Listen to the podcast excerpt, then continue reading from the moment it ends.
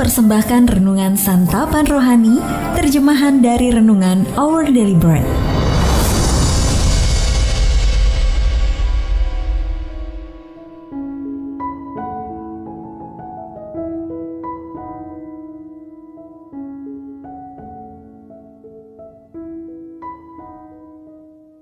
Sahabat ODB, pembacaan Alkitab hari ini terambil dari Roma pasal yang kelima, ayat yang ke-6 sampai dengan ayat yang ke-8.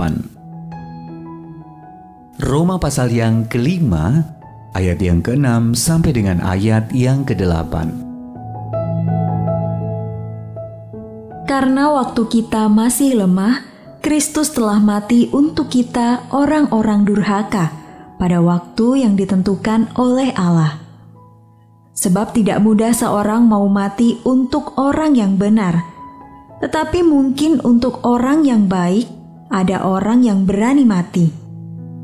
Akan tetapi Allah menunjukkan kasihnya kepada kita oleh karena Kristus telah mati untuk kita ketika kita masih berdosa. Ayat Mas Renungan hari ini terambil dari Roma pasal yang kelima ayat yang ke-8. Kristus telah mati untuk kita ketika kita masih berdosa. Renungan hari ini berjudul Kasih yang Nyata ditulis oleh Karen Huang. Aku merasa seperti kehilangan pijakan cerita Joji. Rasanya shock sekali ketika mengetahui hal itu.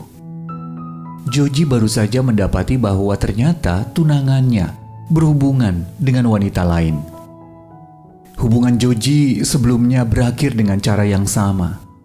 Jadi ketika ia mendengar kasih Allah dalam sebuah kelas pendalaman Alkitab, tak ayal itu membuatnya berpikir, apakah ada udang di balik batu? Akankah aku tersakiti lagi bila aku percaya kepada Allah yang berkata bahwa dia mengasihiku? Seperti Joji, mungkin kita pernah menjalani hubungan yang bermasalah, dan itu membuat kita merasa was-was atau bahkan takut untuk mempercayai seseorang yang berjanji akan mengasihi kita. Kita mungkin juga merasa seperti itu terhadap kasih Allah dengan mempertanyakan apakah ada udang di balik batu. Namun, kasih Allah benar-benar tulus dan nyata. Roma pasal yang kelima ayat yang kedelapan berkata akan tetapi Allah menunjukkan kasihnya kepada kita oleh karena Kristus telah mati untuk kita ketika kita masih berdosa.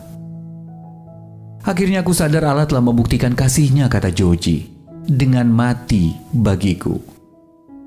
Teman saya mendapati bahwa karena dosa telah memisahkan kita dari Allah, dia menjangkau kita dengan jalan mengaruniakan Yesus Kristus untuk mati bagi kita.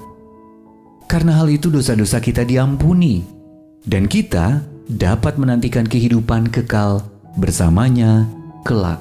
Yohanes pasal 3 ayat 16. Jadi setiap kali kita merasa bimbang apakah kita dapat benar-benar mempercayai kasih Allah, ingatlah bahwa Kristus sudah mati bagi kita di kayu salib sehingga kita dapat mempercayai janji kasihnya. Karena kita tahu bahwa dia setia. Sahabat ODB pernahkah Anda merasa sulit mempercayai kasih Allah? Lalu apa alasannya? Setelah tahu bahwa Yesus mati bagi Anda, bagaimana tanggapan Anda? Mari kita berdoa. Tuhan Yesus terima kasih untuk kasih agung yang kau tunjukkan kepadaku dengan mati bagiku. Biarlah kasihmu itu mengubahkan hidupku, memulihkan diriku, dan menuntun hubunganku dengan sesama. Amin.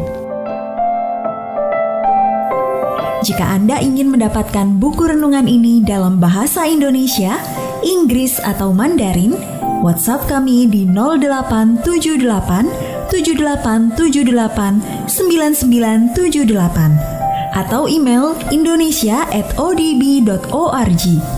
Persembahan kasih dari Anda memampukan Our Bread Ministries menjangkau orang-orang agar diubahkan. Tuhan memberkati.